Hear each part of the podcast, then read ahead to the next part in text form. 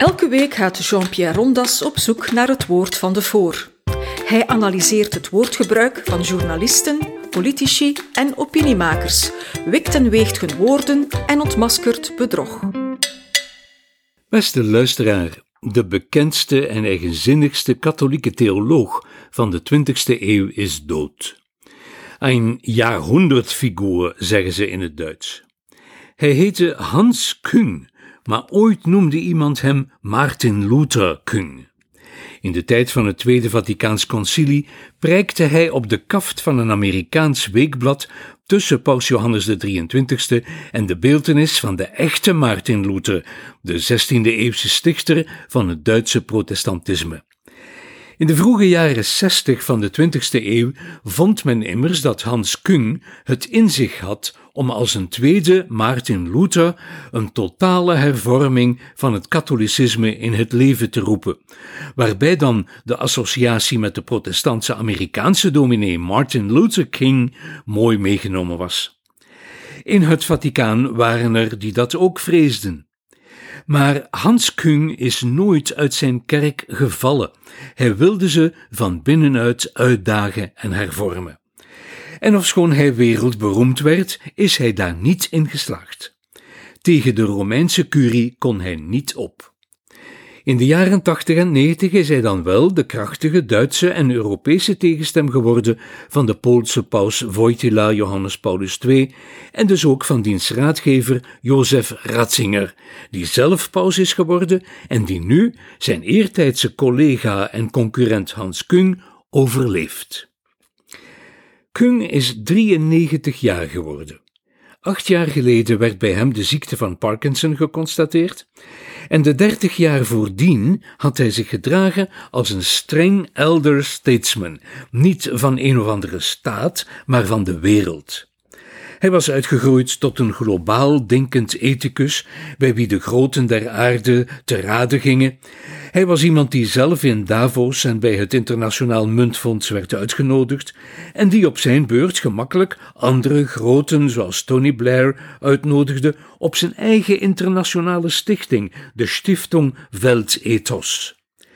Toen ik hem in het jaar 2000, 20 jaar geleden, in Tübingen opzocht, was de aanleiding tot mijn radio-interview voor Radio 3 precies dit interreligieus project. De aanleiding, maar het liefst wou ik het natuurlijk hebben over de Rooms-Katholieke Kerk, want voor een autopsie of een vivisectie van die kerk van twintig eeuwen moest je echt bij hem zijn. Om mij plezier te doen sprak hij zelfs een mondje Nederlands. Dat had hij bij die andere dissidente theoloog Edward Schillebeeks geleerd, want ze waren samen opgetrokken. Ze hadden parallel marcheerd, zoals Kung het uitdrukte.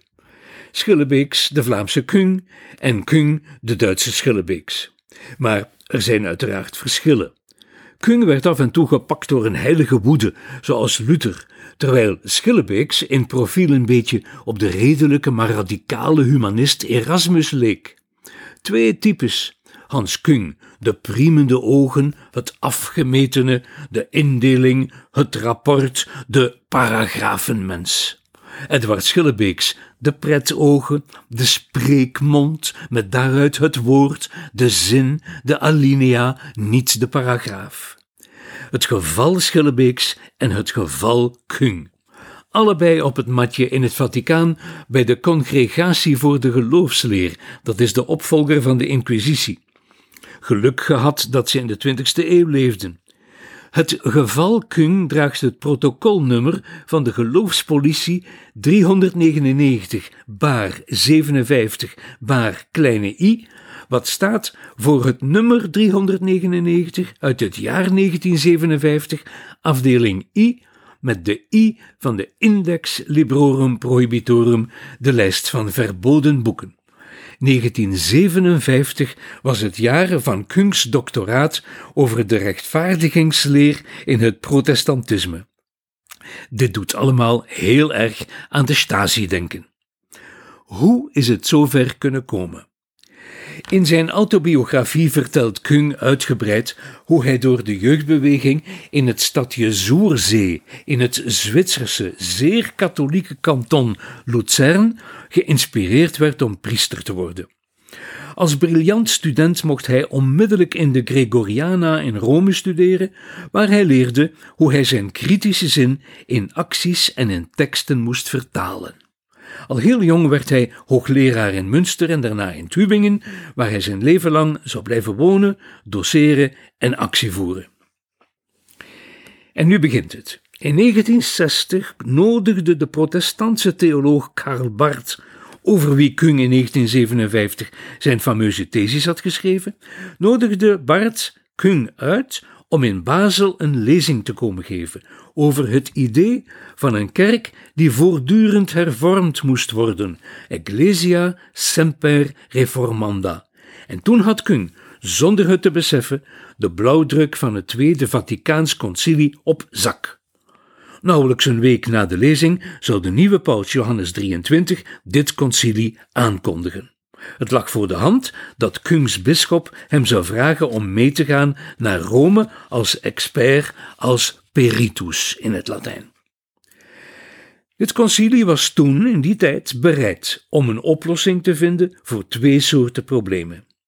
Ten eerste moesten de concilievaders een antwoord proberen te vinden op kwesties die de protestantse reformatie vier eeuwen voordien al had opgelost, zoals bijvoorbeeld het priestercelibaat.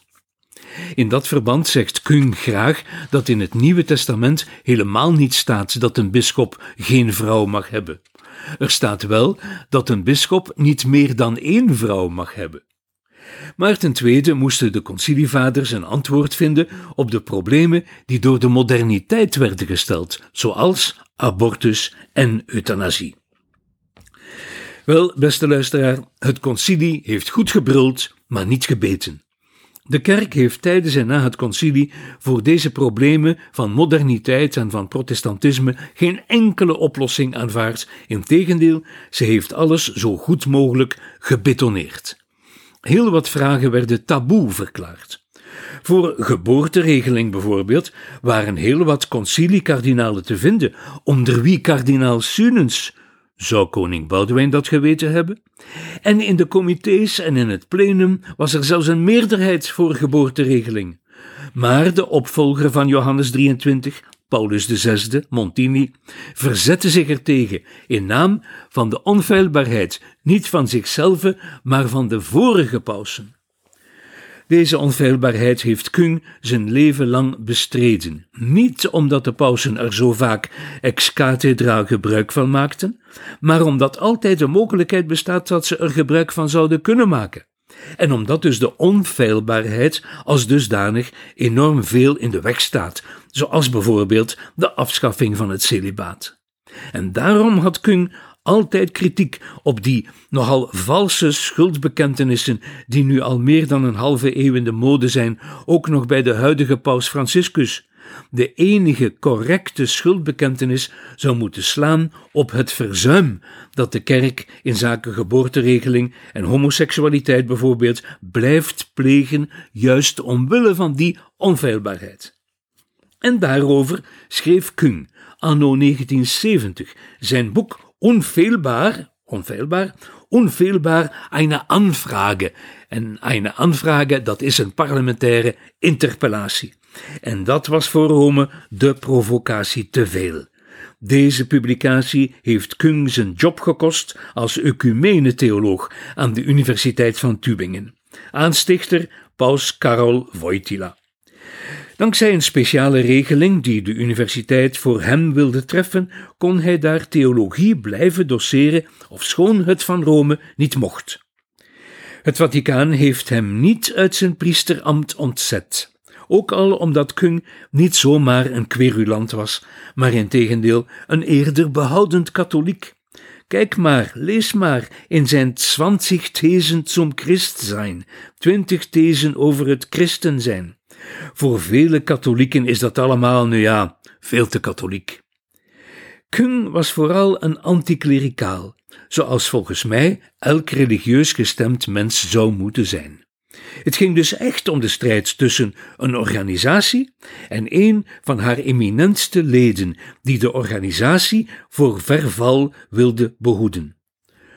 Ooit maakte hij de vergelijking tussen de eed van gehoorzaamheid die een bisschop moet afleggen tijdens de bisschopswijding en de eed die de Duitse generaals tegenover de Führer dienden af te leggen. Terwijl in het Nieuwe Testament staat dat men helemaal niet mag zweren.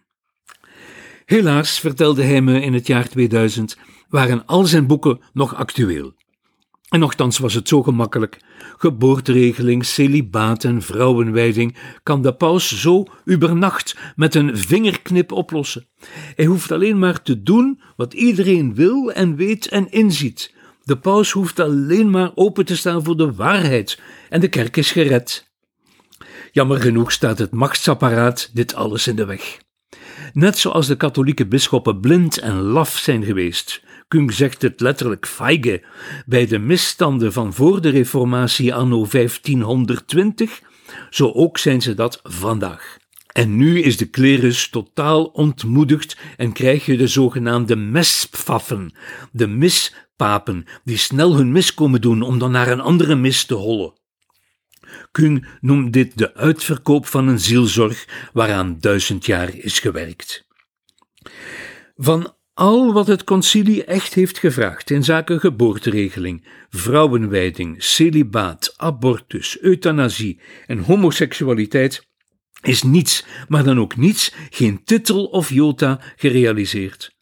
De onfeilbaarheid heeft zich zelfs uitgebreid ten koste van een onvoorstelbare kerkvlucht, waaraan niet zomaar de zogenaamde secularisering alleen schuld is, maar bijvoorbeeld wel de fameuze pillenencycliek van Paulus VI, die nooit herroepen is.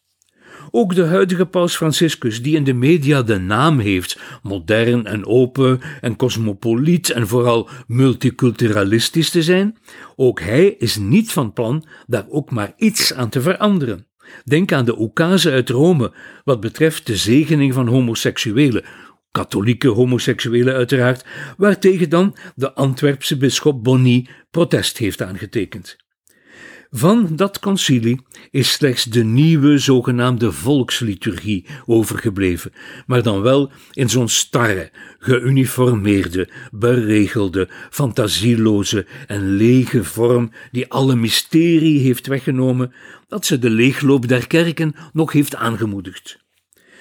Vandaag kunnen we over de rooms-katholieke kerk zeggen wat Johannes in zijn apocalyps aan de kerk van Sardes verweet. Ik ken uw daden. U hebt de naam dat u leeft, maar u bent dood. Laten we, beste luisteraar, inderdaad besluiten met de dood.